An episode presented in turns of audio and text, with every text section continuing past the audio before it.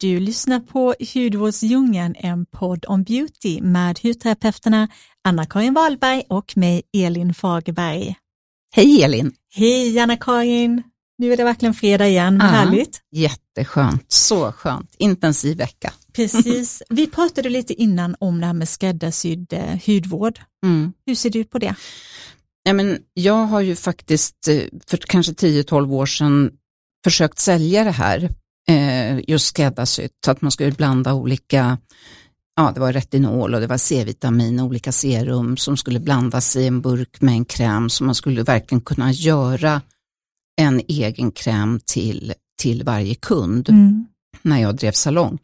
Men det var svårt. Jag vet inte om det var lite för tidigt på något sätt, att folk inte var riktigt, förstod inte riktigt det fina i det där. För Nej. egentligen tror jag att det är jättebra. Ja, men jag tror ju också att det är det just att man anpassar sin hudvård efter sin egen hud egentligen. Mm. Jag, om jag vet ju som till exempel det här märket Universe Skin kör ju mycket på det nu, de gör ju det med serum, Mm. att man kan blanda de ämnen som just din hud behöver. Ja men precis. Jag vet Mm. när jag testade fick jag så här, om en serum, ett för dag och ett för natt som var ja, men anpassade för lite rodnader och stärka Mm. kärl och sånt som jag har. Det är ganska onödigt för mig att köra hårt på ett serum med pigmenteringar när jag inte har några. Nej men det är sant, det är ju en jättesmart grej. Å andra sidan finns det ju produkter idag för alla hudtillstånd. Så att egentligen, jag vet inte, det känns som att uppfinna hjulet lite grann kanske. men- Ja, det är nog mer i så fall om det är att man har, ja, men om man har två olika problem, typ rynkor och pigmenteringar, Mm. så kanske inte det finns i samma produkt. Just, just det exemplet Jo, brukar det finnas med. Om vi säger rodnad och eh, pigmenteringar då, till Mm. exempel, att man vill jobba med problem som just en själv har. Mm. Men Kanske. Vad, ja, vad tycker du om det här? För det har också varit en trend med att man ska skicka iväg sitt eh, DNA och sen ska en dator kunna se vad du har för ja, risker med din hud från ditt DNA. Alltså till exempel i ditt DNA kan du se att du har lättare att få en brist på kollagen till exempel och tidigare då för rynkor. Tror Mm. du att det är någonting som är Jo men absolut, det kan säkert vara av intresse för vissa, men sen om det verkligen är nödvändigt att lägga pengarna på det, det kanske är tveksamt. Och sen tänker jag att har man allvarliga hudproblem, alltså som, som att har du malignt melanom i släkten, då vet du ju det. Mm. Så att liksom, ja, Om Jag jag, tänker inte. på ett sätt så är det intressant för att det verkligen blir skräddarsytt. Och på ett annat sätt så tänker jag att vårt DNA är ju ungefär en fjärdedel av hur huden Ja. mår. ja precis. Och sen är det yttre påverkan och inre stress och Precis, det är Ja. så mycket mer än, än vårt DNA. Så ja, jag känns vet inte. lite hittepå, men Ja. jag vet inte. Nej, kan får, säkert framtiden får utvisa. Precis, jag håller med dig. Faktiskt. Och vad, vet du vad jag mer är så glad för? Nej. Nu, att vi äntligen har lanserat vår bok. Ja, det är helt fantastiskt. Nu är den här, Nu är hudnära, den här. hudterapeuternas hemligheter. Så som vi har jobbat med den här boken i ett och ett halvt Ja. år och sen plötsligt har vi lanserat den. Det känns ju lite, Ja, eller känns väldigt mycket overkligt. det är som en bebis som har fötts. Ja, men jag drömde ju till och med det för några veckor sedan. Jag drömde att jag liksom skulle föda min bok. ja, Ja, låter obekvämt. så. väldigt obekvämt, lite kantigt kanske. Lite kantigt. Ja, Ja, men, Men, det eh, känns härligt i alla fall. men missa inte boken. Nu är, nu är den förlöst, det känns bra. och det är jättefina illustrationer så, så det, det är jättekul att verkligen ha den i sitt pappersformat. Men sen finns den ju även att lyssna på så det är ju så men, men vi tycker ju att ni ska satsa på pappers. Alltså jag kan ju erkänna att jag har ju ställt den i badrummet för jag tycker den är så fin. Ja. den är fin, man vill ha en i varje rum. Precis. Ja. Nåväl, vi ska ju fortsätta prata massa om hudvård idag. ja, det ska vi göra med Hanna. Mm. Det Som blir är spännande. utbildare, hon jobbar för bland annat Dermalogica och utbildar i deras behandlingar och produkter.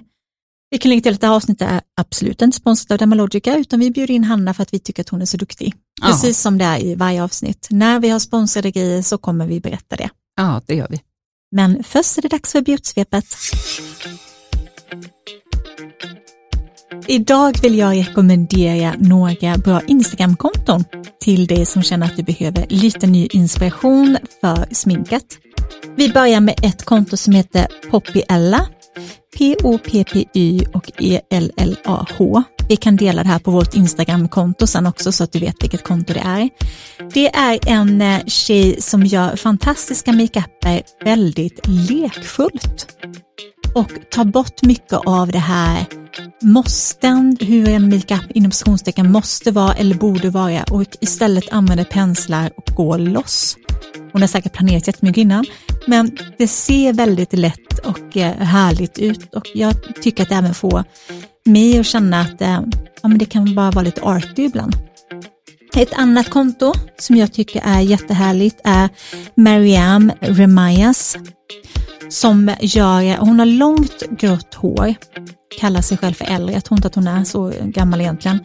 Men hon gör riktiga festmakeuper för att just gå emot det här att äldre inte borde sminka sig så pass mycket. Hon gör fantastiska sminkningar, visar alltid före och efter och är också väldigt, väldigt inspirerande. Den sista är också en äldre dam. Hon heter Blogg Dacora, Cora som C. Hon är 79 år och gör fantastiska makeuper och hon är väldigt glad och charmig i alla sina inlägg också. Verkligen en eh, influensa influencer att räkna med, för det har ju inte med ålder att göra. Så där har du tre stycken nya konton att följa om du inte redan gör det.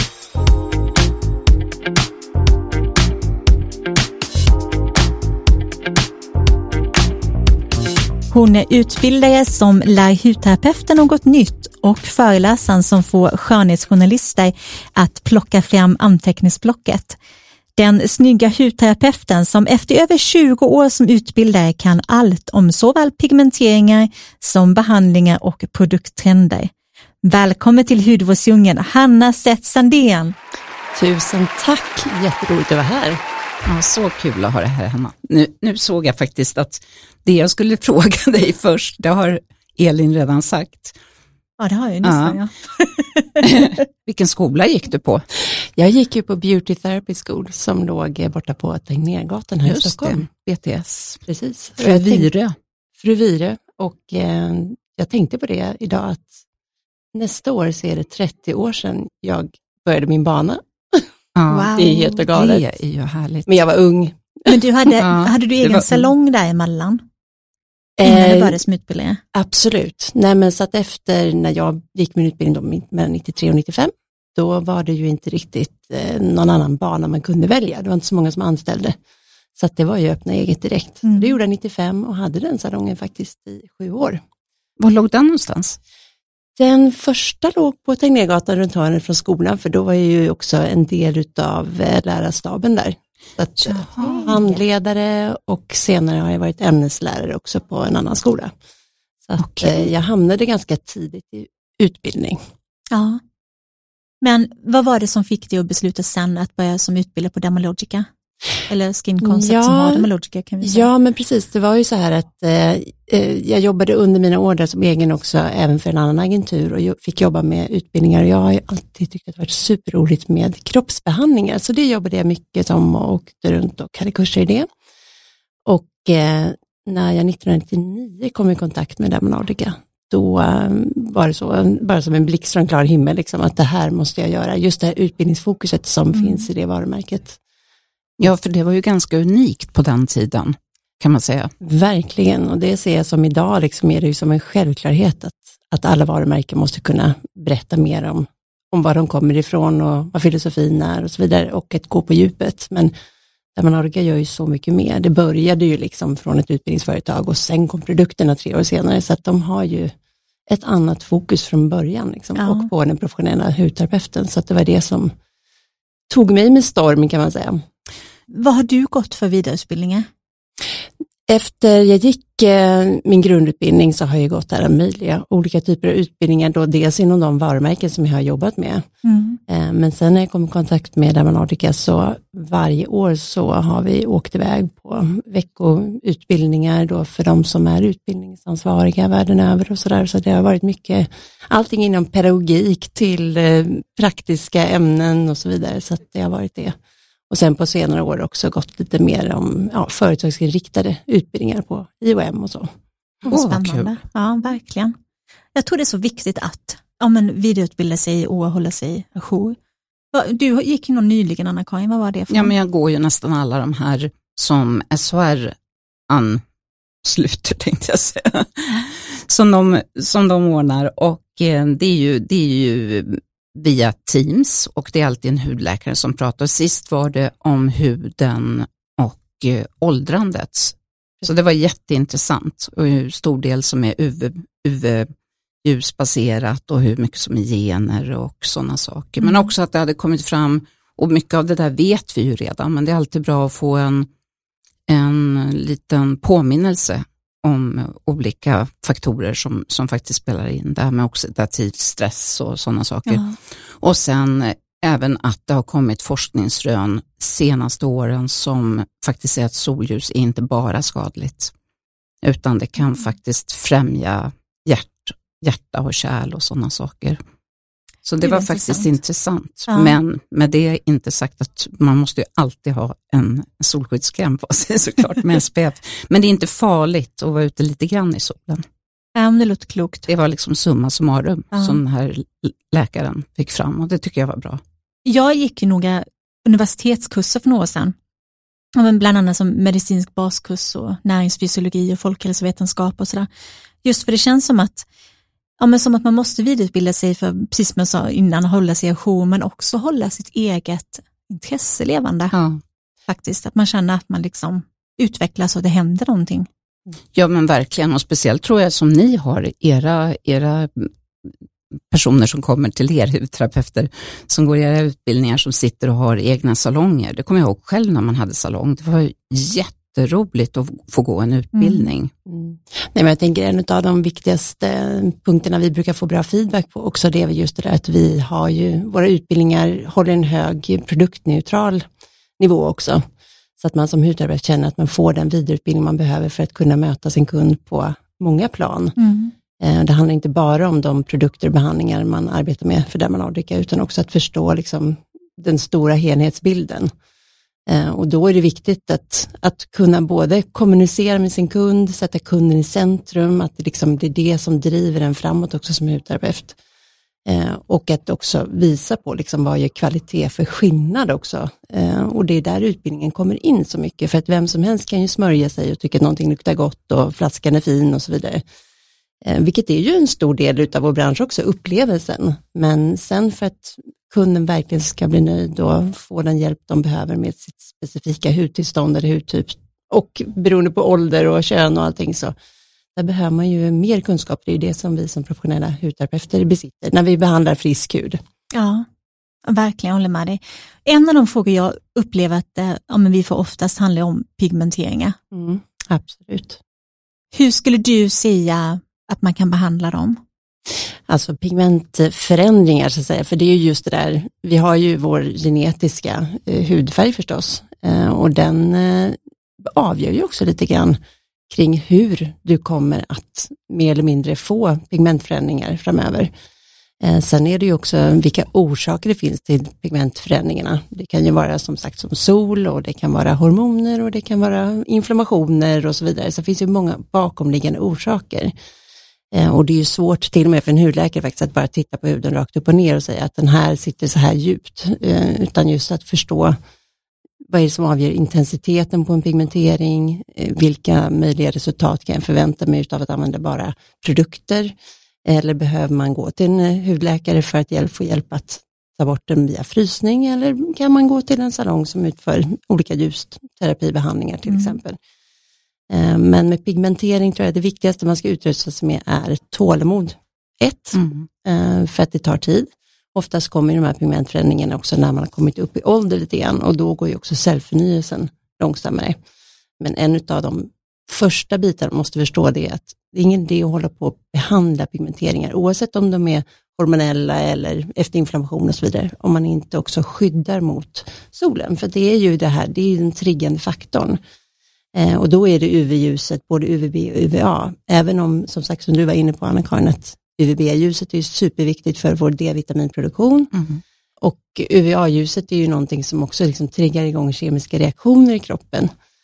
Eh, Men med det sagt, som sagt, allting med måtta är ju bra och där är vi också olika. Hur mycket sol tål vi Mm. innan det blir eh, ett bakslag så att säga.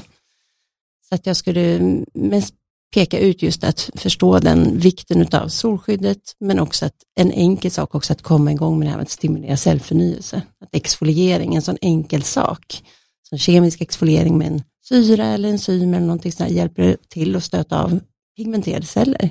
Och sen tillföra någonting som är pigmenthämmande, reducerande och så vidare som verkligen bearbetar huden. Men det är också någonting som man måste göra varje dag. Det går inte bara att göra en behandling och sen så tro att det ska hjälpa, utan det måste vara kontinuerligt helt enkelt.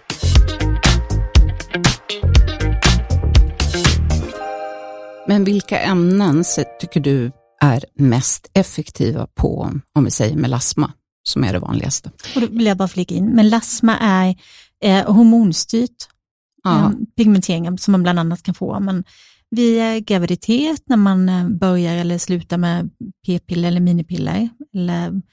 Amning till exempel, när hormonerna hoppar i kroppen. Och man utsätter sig för solen. Precis. Ja. Mm. Det finns ju internationella studier som visar att nästan en tredjedel av alla som just använder sig av hormonella preventivmedel får pigmentförändringar. 75 procent av kvinnor eh, som är gravida får Eh, pigmentförändringar.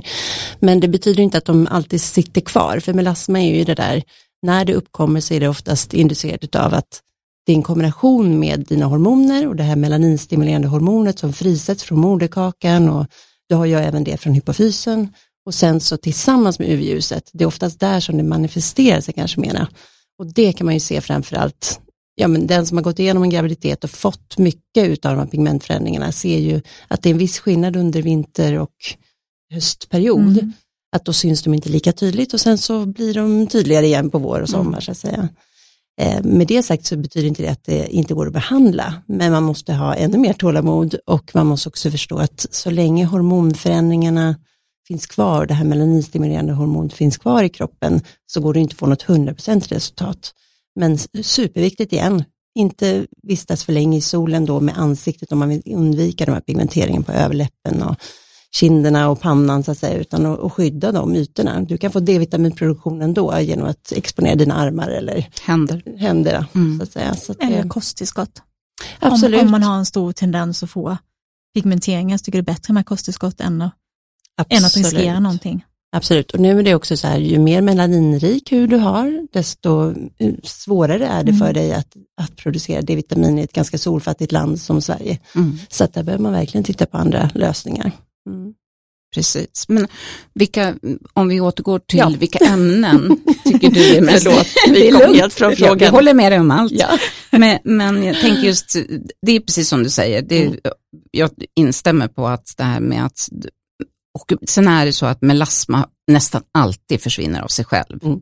Det är ju faktiskt så, när de här hormonerna, så det sa vi ofta när jag hade salongen, att då ville folk komma på olika behandlingar för att få bort det. Så brukar vi säga att ge det ett, lite tid. Mm. Och så sålde vi kanske någon produkt till dem, så använde de den. Och sen behövde de aldrig gå och göra den här ljusbehandlingen, Nej. eller vad det nu var. För Exakt. att det faktiskt fejdade ut ganska enkelt av sig själv. Man kan, börja lite, sitter... man kan börja lite långsammare, jag håller ja. helt med. Mm. Ja, men precis. Men om du skulle sitta kvar och man behöver behandla, vad tycker mm. du då, vilka ämnen är det som mm. verkligen är effektiva? Mm. Jag skulle säga att nummer ett på min lista är alltid mjölksyra faktiskt. Eh, mjölksyra är en fantastisk eh, AHA-syra som ju både är exfolierande så att den tar bort redan existerande pigmenterade celler, men sen också faktiskt är den enda utav ehm, um, alfa-hydroxysyrorna som är riktigt också pigmenthämmande, alltså det vill säga att den faktiskt agerar på melanocyten. Så det är någonting som är lite annorlunda. Alla syror kommer ju naturligtvis att reducera pigmentering på grund av att man accelererar cellförnyelse och så vidare. Men mjölksyran har de här egenskaperna, vilket är ju intressant.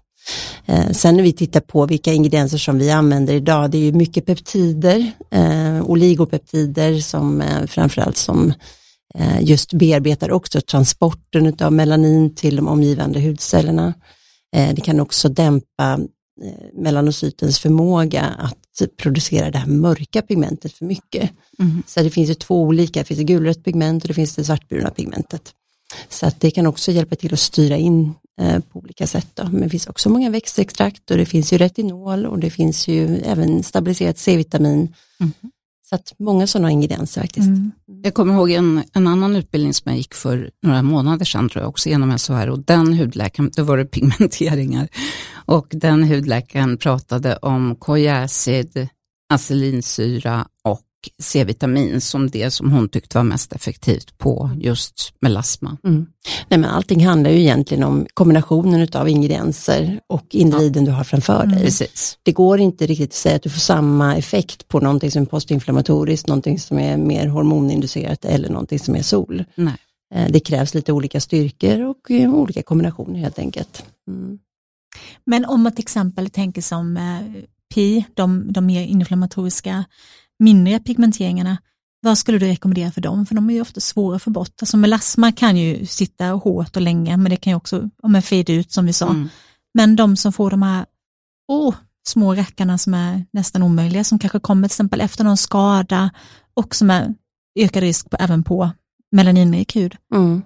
Absolut, och postinflammatorisk pigmentering, då tänker jag nästan alltid, eller man ska nästan tänka att den sitter djupare. Mm. För att eh, oftast är det ju i relation till hårsäck och tallkörtel du har fått inflammationen. Den sitter genom epidermis och dermis. Så att de ingredienser som vi själva använder från Dermalogicas sida, det är faktiskt en del med retinol, eh, det är salicylsyra och det är mjölksyra. Mm. Så att det är tre lite klassiska ingredienser så. Och varför just salicylsyra och retinol är bra just om det handlar nu om en postinflammatorisk akne som orsakar pigmenteringen. Då skulle jag säga att här är det retinolet och salicylsyran som kommer hjälpa till att bryta igenom de här eh, fettlösliga bitarna i just det området mm. och på så sätt bana väg då för de här andra ingredienserna.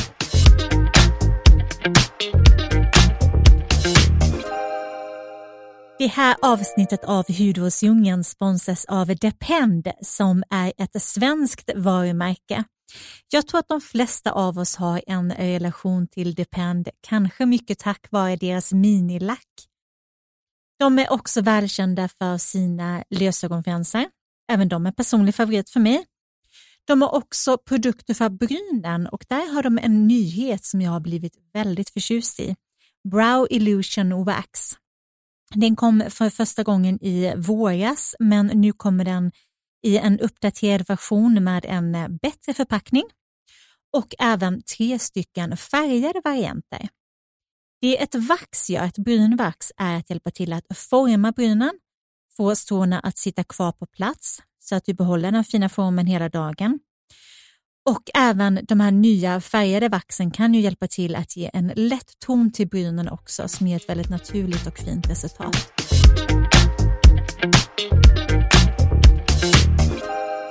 Men om vi hoppar över till torr och fuktfattig hud som så många upplever just nu den här årstiden. Vad är dina bästa tips där? Jag skulle säga faktiskt nyckeln till att få lite bättre känsla, om man känner sig väldigt stram eller upplever flaghet och så vidare, det är ju att börja med någon form av exfoliering. Håller man på med exfoliering så kan man också utvärdera det man håller på med. Men all typ av exfoliering är faktiskt nyckeln till fukt, därför du får igång din egen cellförnyelse, de nya fräscha cellerna som kommer upp levererar ju de lipider och den fukt du egentligen behöver naturligt. Så att om du inte gör någon typ av exfoliering så är det ett väldigt enkelt sätt att kombinera det med det mjukgörare.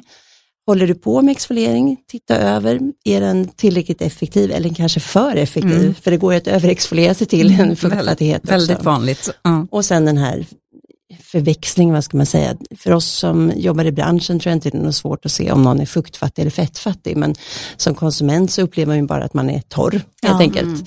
Så just att få hjälp som konsument att identifiera vilken typ av torrhet vi pratar om. Så att jag kan få hjälp att välja produkter som antingen innehåller mer lipider då, eller mer fuktämnen.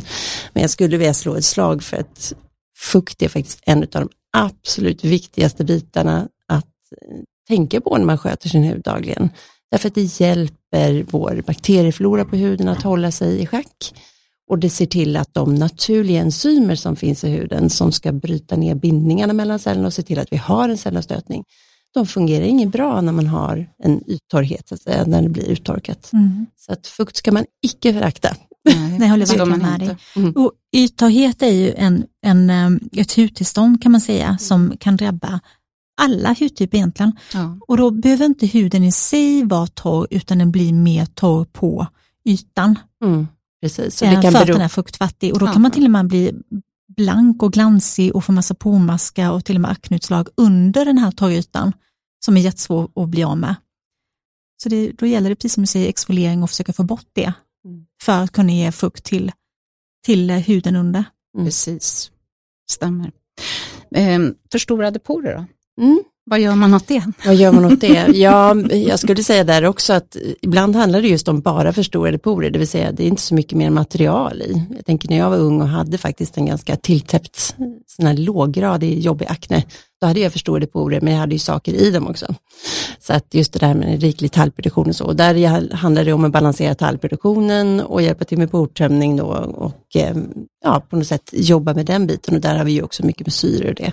Det som händer när vi blir äldre det är ju att porerna de är ju som sagt ner genom både epidermis och dermis. Och i dermis så har vi vårt kollagen och elastin.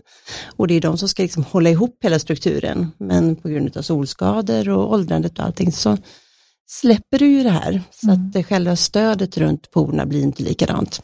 Så ska man jobba med porstruktur när man är äldre och det egentligen inte är pormaskar, någonting att klämma, då återigen syna superbra för det. Men då kan man välja sånt som är kanske en kombo utav glykolsyra, mjölksyra, mandelsyra till exempel. Eh, För att kunna få den här snyggare finishen på huden. Men just att vill man verkligen komma ner på djupet då skulle jag rekommendera mer kemiska peelingar professionellt. Till exempel, eller microneedling, nanoneedling eller någonting sånt. Ja. För att just jobba lite mer på det. Ja, men jag håller verkligen med dig. Jag, jag tänker också om det som du, om jag bara ska förenkla lite också, att Dermis är ju lite djupare ner i huden och eh, kollagen och elastin har vi nämnt här tidigare också. Det är ju hudens, ja men de ämnena som ger, ger huden dess fasthet och elasticitet. Så när, när det blir sämre så tänds huden ut, kan man säga egentligen. Ja. Ja men det kan du se på en riktig, om du tittar på en riktigt, riktigt solskadad hud, Ja. eh, någon som har fått de här liksom, rutnätet på huden. Du kan ju också se de här solkomedonerna som man säger, det vill Mm. solpormaskar. Och det är ju typiskt en sån grej. Dels har ju talgkörteln blivit skadad och producerar, de här sebocyterna, de producerar extremt mycket talg. Men det gör ju också, det är de som förändrar Precis. strukturen. Men du, du, du nämnde också nanonidling, det har jag varit och Mm. testat hos er, Mm. faktiskt vid två tillfällen. Mm. Eh, och tycker att det var jättehärligt. Men du kan väl förklara lite vad det är för någonting? Ja, nanoneedling då till skillnad från microneedling, eh, här skapar man inga hål i huden utan det är som en slipning kan man säga på hudytan istället. Eh, Så det är små, små silikontippar som är ja, hårda förstås, men precis som i verkanidling så har man en penna, man har en liten kassett som man sätter i pennan och sen så jobbar man liksom på samma sätt med ett serum. Eh, men man kan också med nanoneedling jobba tillsammans med exfolierande produkter. Man kan jobba med nanoneedling och kemisk peeling. Eh, så att man kan också lägga in nanoneedling i en typ av vanlig ansiktsbehandling. Speciellt ja, men om man tänker sig en microdermabrasion till exempel. Det här är en lite snällare form utav det. Den är väldigt precis helt enkelt. Så att Mm. eh, man upplever att man får bättre effekt utav sina, de övriga produkterna i behandlingen helt enkelt. När skulle du rekommendera nanonidling till en konsument och när skulle du rekommendera microneedling? Jag skulle säga så här att nanoneedling kan ju passa alla hudtyper och hudtillstånd året runt eh, och den ger inga, vad ska man säga, biverkningar, det är ingen risk för det. Eh, microneedling så är det ju lite mer att du själv som konsument måste förhålla dig till att verkligen sköta om huden de här närmaste dagarna både före och innan eh, eller före och efter eh, och det handlar ju om just att du inte ska riskera att få biverkningar som kanske orsakar pigmentering eller orsakar eh, inflammation för mycket så att säga, eftersom du penetrerar huden. Eh, och så är det lite olika naturligtvis hur djupt man jobbar.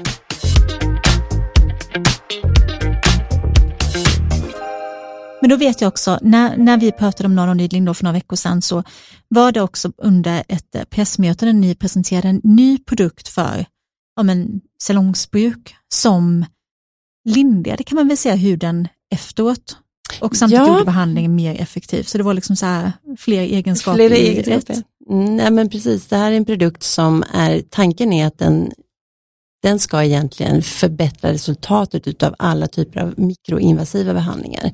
Och mikroinvasiva behandlingar, då menar vi allting från microneedling, kemiska peelingar, IPL, laser, eh, microneedling med radiofrekvens, eh, fiberblast till exempel.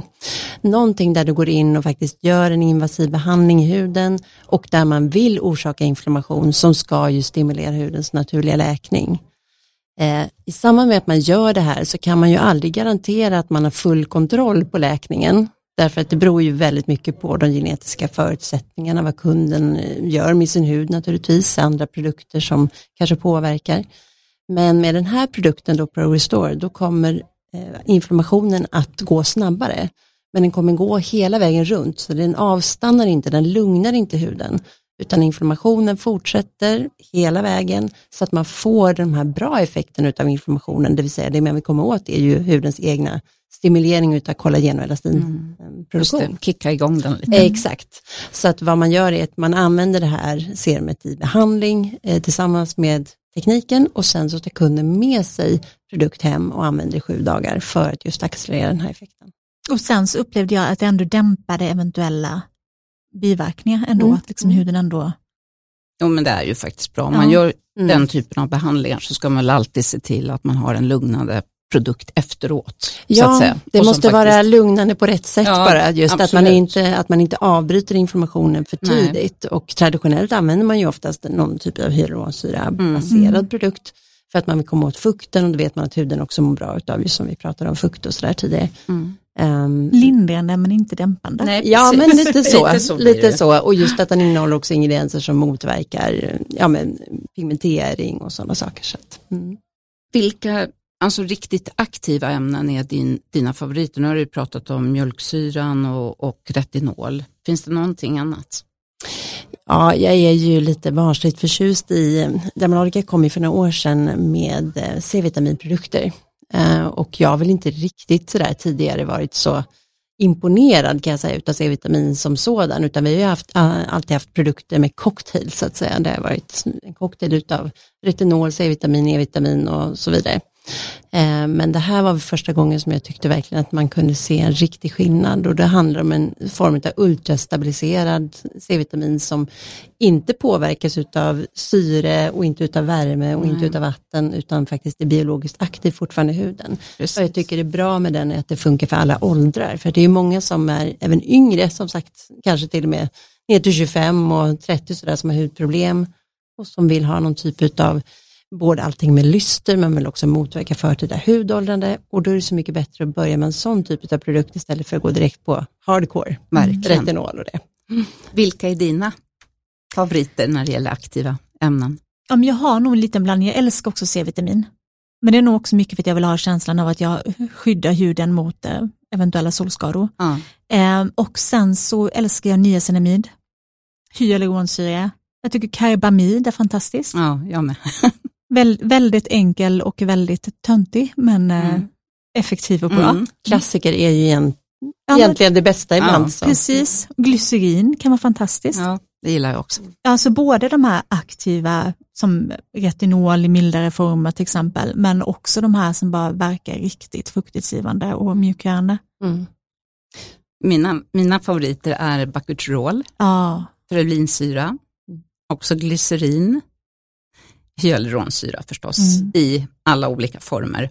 Eh, Det finns ju massor med olika, det finns ju mikro, makro och tvärbunden. Det finns ju också en ny variant som heter acetylerad hyaluronsyra som det? funkar riktigt bra.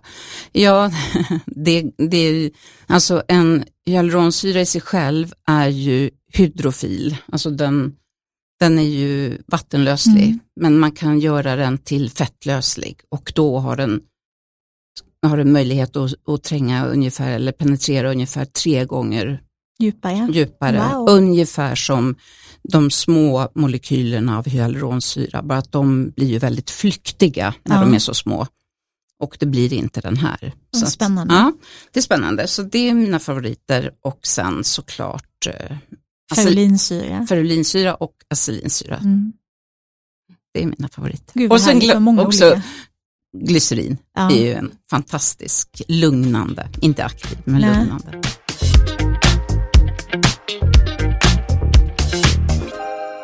Men Hanna, har du några ämnen du undviker?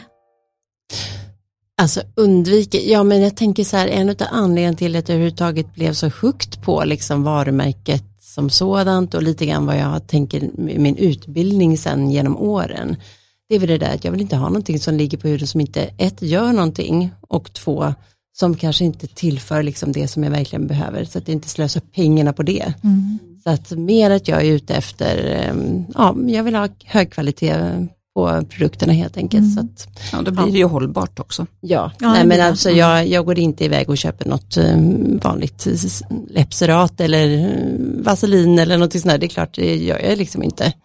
Men inte på grund av att jag tänker att det orsakar allergier eller en ohälsa utan mer bara, nej men det gör ingenting för min hud. Nej, precis, det händer inte så mycket. Nej. Hur tänker du där, Anna-Karin? Är det någonting du undviker? Nej, men egentligen inte faktiskt. Inte så att jag är rädd för något, något specifikt ämne. För Nej. jag vet ju att allt som är säljs i Europa är ju liksom godkänt, så det är inte att, att jag är orolig att något kan vara farligt eller någonting sånt, absolut inte. Nej, jag tänker likadant. Det är mer om man, eh, vad heter det, om man skulle besöka ett apotek eller någon liten udda hudvårdssalong i ett annat land som ligger utanför EU så skulle Ja. jag vara lite mer försiktig. Det ska man vara. Man ska alltid För kunna man lösa, vet vad det finns i. exakt man får alltid försöka läsa på ingrediensförteckningen, absolut. Men som sagt, ja, det finns ju produkter, eller ja, produkter på marknaden helt enkelt, inte nu menar jag i EU så, Nej, men utanför. just att utanför då, man kan ju klicka hem vad som helst idag Ja, som innehåller starka läkemedelssubstanser och annat. Och där är Ja. väl lite grann, vi pratade om pigmenteringar förut, vad viktigt det är att inte mm, köpa starka saker som innehåller till exempel hydrogenon eller så, för att det Mm. kan ju avpigmentera dig permanent. precis. Att Ja, du det är kan ju- få vita fläckar och så. så det, nej. Ett riktigt problem Ja, med de och- krämerna. Ja, och att inte försöka kämpa på med blekande krämer. Mm. Nej, För att det är, alltså just som inte är inom EU. nej, Nej. precis. Och då kan det också vara så att man inte köper hem en produkt som man även fast man läser på ingredienslistan kanske faktiskt kan innehålla någonting som inte står med. Mm. Exakt. Sånt är också Mm. lite läskigt. Ja, det är. Ja, det är väldigt läskigt. Nej, alltid, alltid handla från webbshoppar som är auktoriserade och Ja. seriösa. Mm. Det är viktigt. Ja, man måste vara kräsen som konsument idag, Ja, det så måste är det ju man. liksom att Men eh, lite nya forskningsrön är jag nyfiken på också. Mm. Jag tänker att ni har ju liksom ett forskningsinstitut som eh, forskar väldigt aktivt. Du får gärna berätta lite mer om det. Ja, alltså det, företaget bakom Dermalogica heter ju The International Dermal Institute eh, och de eh, finns med huvudkontoret då i eh, Los Angeles, där i USA. Och där har man ju ett team på cirka 20 personer som jobbar aktivt med att ta fram nya ingredienser. Men för några år sedan så blev ju också Dermalogica uppköpt utav Unilever Prestige. Där finns det idag ett tiotal sådana starka varumärken. Och en av fördelarna med att jobba med Unilever där är ju att de har extremt många olika patent och ingredienser så att säga som kommer oss till godo också som varumärke. Så där är väl någonting, det som har hänt mycket nu, det tycker jag är roligt att se, att fokuset handlar ju på mer och mer att produkterna ska kunna leverera, det ska de vara multifunktionella, Mm. inte bara så specialiserade. Eh, och vi ser det mer och mer. Det handlar ju både om konsumentens, eh, vad ska man säga, möjligheter att kunna eh, utföra en hudvårdsrutin som är någorlunda enkel men ändå få riktigt professionella resultat. Eh, och samtidigt också, ja men det är ju en del utav hela klivet framåt. Hur kan man bli mer eh, medveten både ekonomiskt, miljöanpassat och så vidare. Så att eh, det, är, det är mycket av det som är, forskningen handlar mycket om det nu. Mm. Och ett av de senaste initiativen som berodde väldigt mycket på torkan i Kalifornien här för någon månad sedan var ju att nu bad man ju alla kaliforniska företag att börja, om man kunde spara vatten så skulle man göra det. Och det var också någonting som Dermalodica liksom verkligen gick in och bara tittade på, men vad finns det för nya teknologier där ute? Vad finns det som gör att våra leverantörer av råvaror kan spara vatten? Hur kan vi spara vatten och så vidare? Mm. Så att jag tänker att mycket av den här nya forskningen handlar ju om att göra produkter som är anpassade efter vår, vårt klimat och vår livsstil och så att säga, inte bara att producera en massa utan det måste Nej, finnas en precis. tanke bakom. Ja, det, där, det, det blir viktigare och viktigare och man ser ju också att, de, att företagen jobbar mer och mer åt det hållet och det kommer ju att krävas Mm. säkert. Det tror jag med. Och jag tänker, mycket av det tänket har ju du till Acosta Skincare också. När du har jobbat med det. Ja, men jag har alltid tänkt att det ska inte vara mm, alltså det ska inte vara för yvigt. Nej. Det ska vara produkter som, som kunden verkligen har nytta av att använda och multifunktionella produkter som, som fungerar rakt igenom till oavsett kön, oavsett hudtyp egentligen, Mm. så ska det fungera. Och sen inte använda onödigt kartonage. Nu, nu gör vi det på våra glasflaskor, men ingenting annat. Nej. Glasflaskor behöver ju det. Ja, de, det måste ju det, tyvärr. man måste men- kunna lägga ner dem i Ja. väskan, håller jag på att säga. Men jag tror att, precis som, som Hanna säger, det är framtiden. Det kommer att liksom bli mer och mer minimalistiskt Mm. i hudvården. Intressant klart. ändå om man tänker på, Aktiva, aktiva produkter men minimalistiska och Ja. multifunktionella. om jag tänker trenderna har gått så här, Korean beauty Ja. och sen Ja. bara, nej, nu måste vi ha det andra, men jag tänker det är väl precis det som är liksom, vi styrs ju naturligtvis av konsumentens önskemål, men för oss är det också, våra konsumenter närmast det är ju faktiskt hudterapeuterna. Ja, Mm. Så att just det där att man verkligen får en, en känsla av vad är det konsumenten efterfrågar, men hur ska vi liksom penetrera det genom, eller den marknaden genom hudterapeuten som också har de andra kraven Precis. som kommer ja, konsumenten till godo sen. Ja. Och, ja men precis, du har helt rätt. Och, och det här med kartonaget, att jag kom på det med, med Acacia Skincare, det var ju faktiskt att när jag drev salong i 30 år, så var det så många kunder, när de köpte produkter från hyllan, det var ju andra märken då, som vi sålde, eh, då var det många som i ren protest liksom tog upp burken eller tuben ur kartonaget och sa till mig att du kan slänga förpackningen och hälsa tillverkaren att vi vill inte ha kartonage. Så då liksom, det blev så Ja. tydligt på något sätt att redan då, det är ju liksom tio år sedan, så var folk väldigt, väldigt medvetna. Det var en liten, liten produkt i en stor, stor Ja, förpackning. precis. Just det. Så var det bara 15 milliliter i. Man är så besviken när man öppnar den här eller förpackningen som är en liten, liten Det är burk där, där är per, dofterna, Ja. den, den industrin med dofter och parfymer, de har ju lite att jobba på där Ja, faktiskt. gud ja. Det var någon doft jag testade till eh, Swedish Beauty Awards för några år sedan. Som först hade liksom en stor, ja, men en stor ask liksom, eller kartong. Ja. Och sen under där var det liksom ännu mer papper. Och runt den här första kartongen så var det plast också. Och sen inuti så var det som en extra plastgrej, så lite som en gimmick nästan, som satt på för att det skulle vara lite kul i hård plast. Och man bara, Blev du glad? jag blev inte glad. Nej.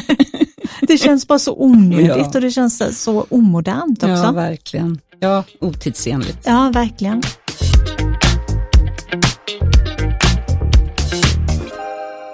Men Hanna, ser du några så här behandlingstrender eller kommande trender?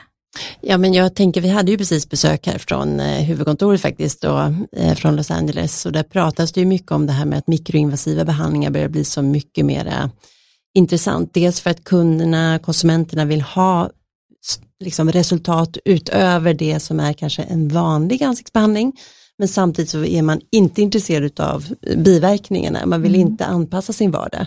Så att jag tänker att det kommer komma mycket, mycket mer än det som vi har på marknaden idag. Och man ser ju utvecklingen, ja, vi har ju ett annat varumärke också som heter Biotherapeutic. Eh, och det är där den här eh, eh, pennan kommer ifrån Ah, också okej. som vi har.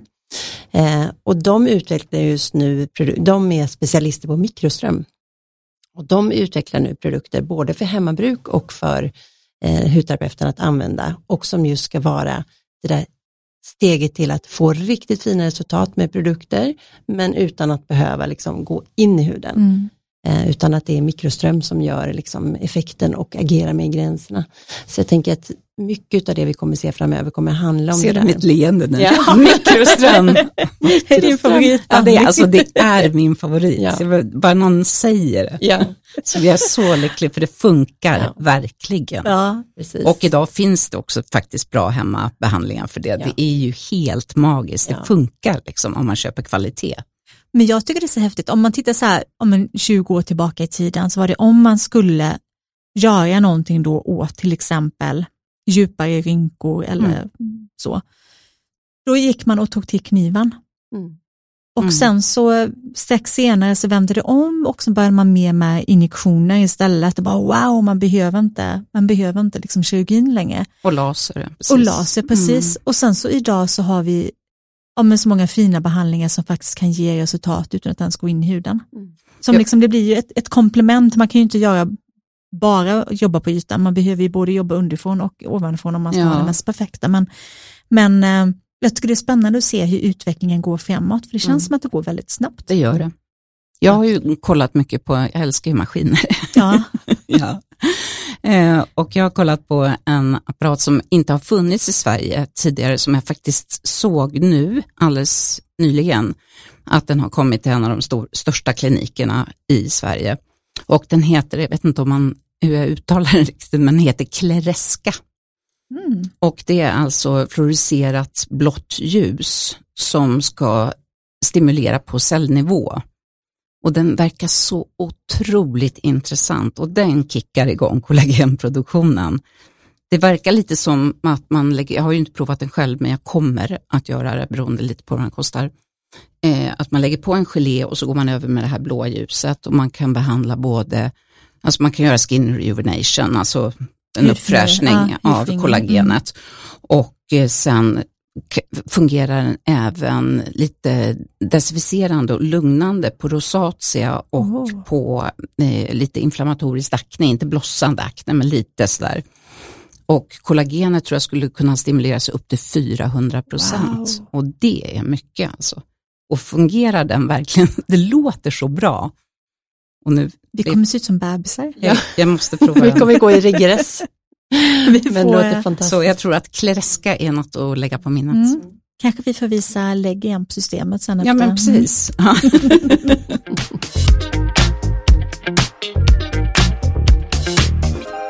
Vilken är din favoritbehandling? Ja men det är nog, eh, gud vad svårt, vi har pratat lite om det innan och jag, Mm. jag, jag växlar ju lite fram och tillbaka. Jag Mm. tänker också lite som du sa i början Hanna, att jag älskar också det här med kroppsbehandlingar. Ja. Och så älskar du väl derma, dermabrasio, eller Ja, derma, mik, micro- mik, mik, ja. mikrodermabrasio. Det tycker jag också är underbart, Mm. just för att man ser snabbt resultat utan biverkningar. Mm. Ehm, men ja, jag är också väldigt inne på med, med kroppsbehandlingar. Och det är också någonting jag ser fram emot att testa mer i framtiden och se vad som komma skall. Jag tänker på det, kroppsprodukter. Är, är det någonting, det har ju alltid varit väldigt svårsålt i Sverige. Har det ökat? Eller är det fortfarande liksom svårt, vet du det?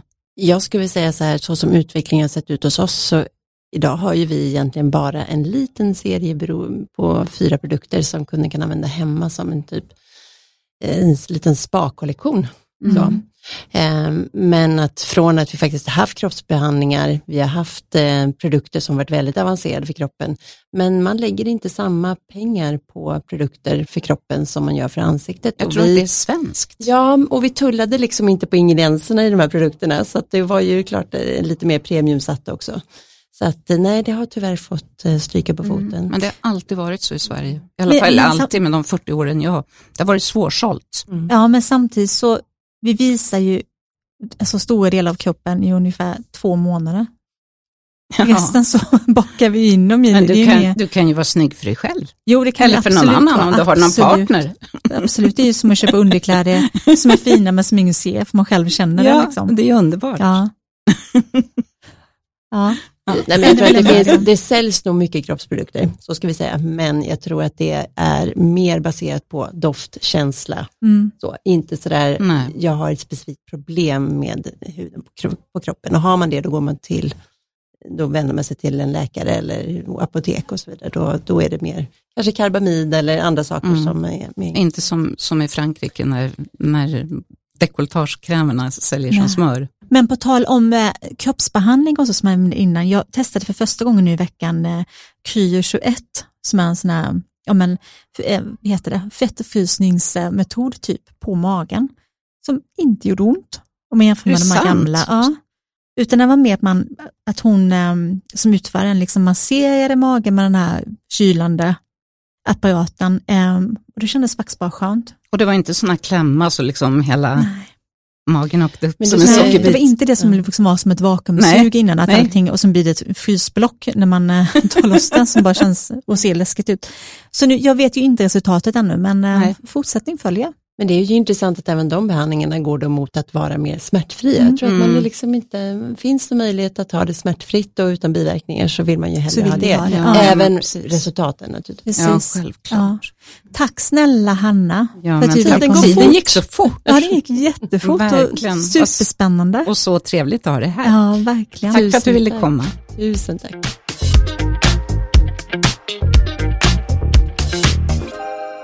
Ja, man kan verkligen nörda ner sig i eh, olika behandlingar och produkter och Ja. ingredienser. Och, ja, jättespännande. Ja, det var jättespännande och, och Hanna är otroligt duktig och påläst Ja, i ämnet.